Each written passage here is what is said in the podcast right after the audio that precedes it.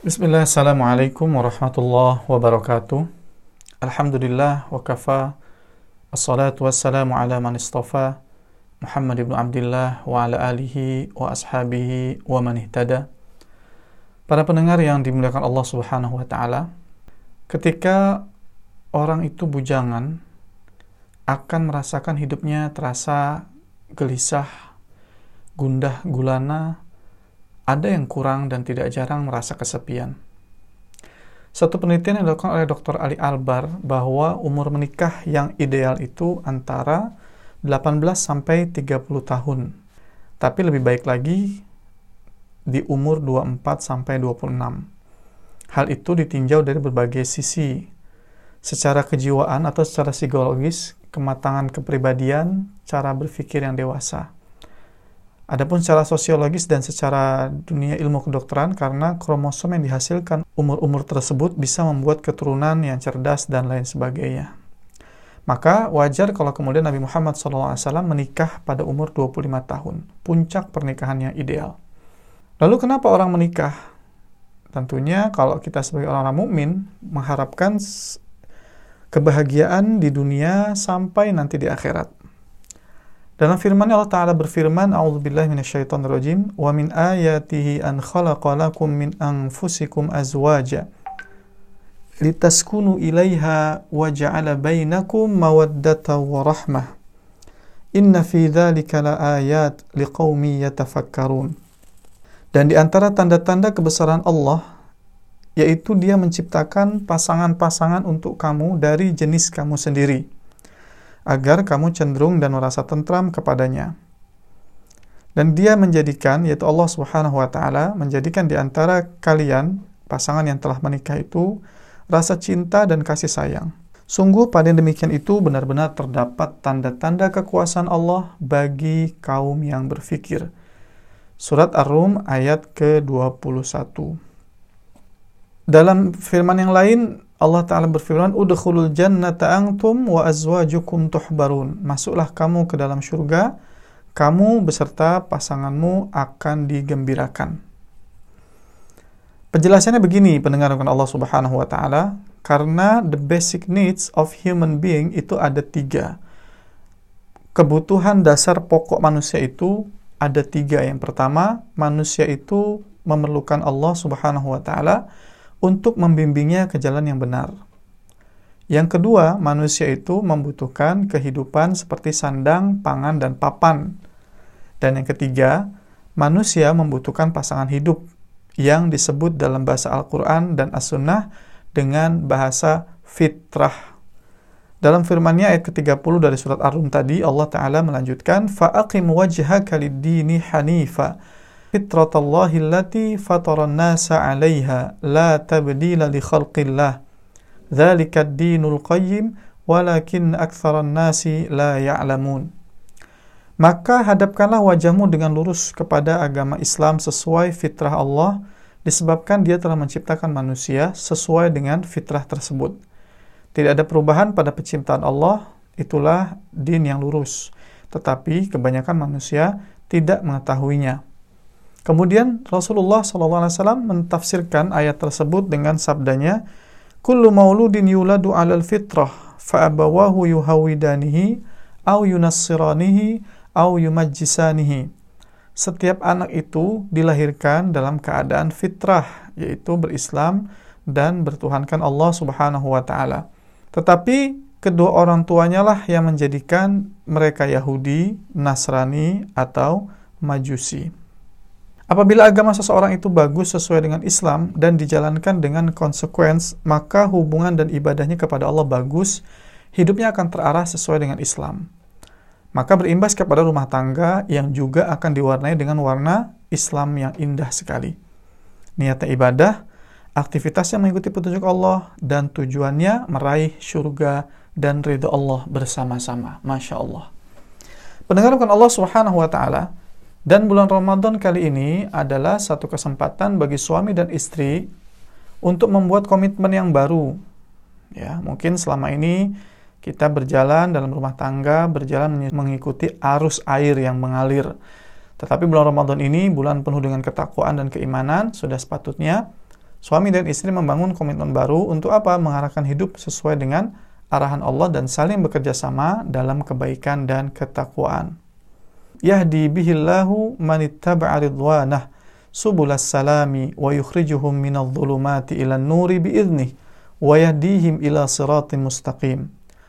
Dengan Al-Quran itulah Allah memberikan petunjuk kepada orang yang mengikuti keridhaannya ke jalan keselamatan. Dan dengan Al-Quran itu pula Allah mengeluarkan seseorang dari gelap gulita kepada cahaya petunjuk dengan izinnya dan menunjukkan kepada jalan yang lurus. Al-Quran Surat Al-Ma'idah ayat ke-16 Ayat keduanya Allah menjelaskan wa ta'awanu 'alal birri wat taqwa ta'awanu 'alal itsmi wal 'udwan wattaqullaha innallaha syadidul iqab. Dan tolong menolonglah kamu dalam berbuat kebaikan dan takwa dan jangan kamu tolong menolong dalam berbuat dosa dan permusuhan. Bertakwalah kepada Allah, sungguh Allah sangat berat siksaannya. Puasa itu pendengar adalah perisai dari syahwat yang menyimpang. Maka bagi para pemuda atau pemudi yang mampu menikah tapi belum bisa melaksanakannya karena sebab satu dan lain hal, dianjurkan untuk berpuasa oleh Nabi sebagaimana sabdanya, Ya ma'syara syabab man istata'a minkumul ba'ah falyatazawwaj fa innahu aghaddu lil basar wa ahsanu lil farj wa man lam yastati' fa alaihi fa innahu lahu wija. Wahai para pemuda barang siapa di antara kamu yang sudah mampu maka hendaklah dia menikah. Karena menikah itu bisa menundukkan pandangan dan menjaga kemaluan. Barang siapa yang belum mampu maka hendaknya dia berpuasa karena puasa itu bisa menjadi perisai bagi dirinya. Pendengarkan Allah Subhanahu wa taala, pernikahan itu atau hubungan suami istri itu bisa kita bagi menjadi empat model. Ya, dia dari empat model ini nanti kita bisa lihat rumah tangga kita itu model yang seperti apa. Yang pertama, model di mana suami istri benar, suami benar, istri benar seperti Nabi Ibrahim alaihissalam dan Nabi Muhammad sallallahu alaihi wasallam. Allah Ta'ala berfirman, وَالطَّيِّبَاتُ لِلطَّيِّبِينَ وَالطَّيِّبُونَ لِلطَّيِّبَاتِ Sedangkan perempuan yang baik untuk lelaki yang baik, dan lelaki yang baik untuk perempuan yang baik pula. Yang kedua, suaminya benar tetapi istrinya nggak benar. Atau suaminya mukmin, istrinya kafir. Seperti istri Nabi Nuh dan Nabi Lut alaihi wassalam. Dalam surat At-Tahrim ayat ke-10 Allah menegaskan Daraballahu mathalil lilladzina kafaru imra'ata Nuh wa imra'ata Lut. Tahta abdaini min ibadina salihain fakhanatahuma falam yughniya anhuma min Allahi syai'a wa qila dakhulan nara ma'ad dakhilin. Allah telah membuat perumpamaan bagi orang-orang kafir, yaitu istrinya Nuh dan istrinya Lut di mana keduanya berada di bawah penguasaan dua hamba atau pengawasan dua orang hamba yang soleh di antara hamba-hamba kami. Tapi kedua istri tersebut berkhianat kepada kedua suaminya, dan kedua suaminya tidak dapat membantu mereka sedikit pun dari azab Allah. Maka dikatakan kepada kedua istri tersebut, masuklah kamu berdua ke neraka bersama orang-orang yang masuk ke dalamnya. Model yang ketiga, bahwasannya suami istrinya salehah tetapi suaminya kufur. Seperti Asia yang bersuamikan Fir'aun. Ayat 11-nya masih surat At-Tahrim Allah jelaskan wa daraballahu mathalan lil ladzina amanu imra'ata fir'aun idh qalat rabbi ibni li 'indaka baitan fil jannah wa najjini min fir'auna wa 'amalihi wa najjini minal qaumil zalimin. Dan Allah juga telah membuat perumpamaan bagi orang-orang yang beriman, yaitu seperti istrinya Fir'aun, di mana dia berkata, Ya Robku, bangunkanlah, buatkanlah untukku sebuah rumah di sisimu, di dalam syurga. Dan selamatkanlah aku dari Fir'aun dan perbuatannya, dan selamatkanlah aku dari kaum yang zalim. Dan yang keempat, model suaminya kafir, istrinya pun kafir suaminya tidak benar, istrinya pun juga tidak benar dan keduanya berada di neraka. Seperti halnya Abu Lahab dan istrinya yang Allah abadikan dalam surat Al-Lahab, Tabbat yada abi lahabi wa tab ma aghna anhu maluhu wa ma kasab sayasla narang dzata lahab wa imra'atuhu hammalatal hatab. Ya. Mengisahkan tentang Abu Lahab dan istrinya yang dimasukkan ke dalam neraka karena penentangannya atau karena kufur terhadap Allah dan Rasulnya. Pendengar dan menekan Allah Subhanahu wa taala, lalu momentum Ramadan ini kira-kira bagaimana caranya kita bisa uh, berupaya atau mengantarkan rumah tangga kita menuju surga Allah Subhanahu wa taala?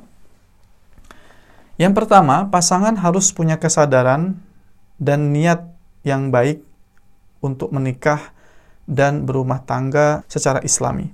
Yaitu setiap pasangan harus menyadari dan memiliki niat yang ikhlas kepada Allah dan meniatkan ibadah bahwasannya pernikahan adalah bagian daripada peribadatan dan menjalankan rumah tangga sesuai dengan syariat Islam. Kemudian yang kedua, Rasulullah SAW bersabda, tunkahul mar'atu li arba'in limaliha wa li hasabiha wa li jamaliha wa li diniha fadhfar bidzatid din taribat yadaka wanita itu dinikahi karena empat perkara karena harta karena keturunannya cantiknya dan agamanya maka pilihlah wanita yang taat beragama niscaya engkau beruntung Al-Khwarizmi memiliki teori sang penemu angka 0 ini memiliki teori yang luar biasa bahwa harta itu nilainya nol karena bakal habis. Kecintaan itu nilainya nol karena bakal pudar. Keturunan nilainya nol karena sampai di dunia saja. Tetapi adin atau agama itu nilainya satu. Bila lelaki itu dapat empatnya, berarti dia cuma dapat 0001. Tetapi apabila agama yang pertama, maka dia mendapat seribu. Masya Allah. Pendengar Allah Subhanahu wa taala, maka menarik kita simak kejadian di masa Umar radhiyallahu an di mana seorang seorang ayah membawa putranya menghadap Amirul Mukminin.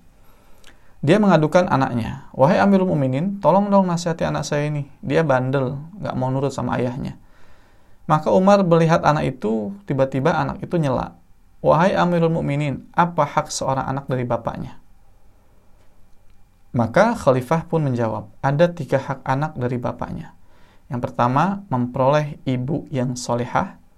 Yang kedua, memberikan nama yang mulia. Dan ketiga, mengajarkan Al-Quran.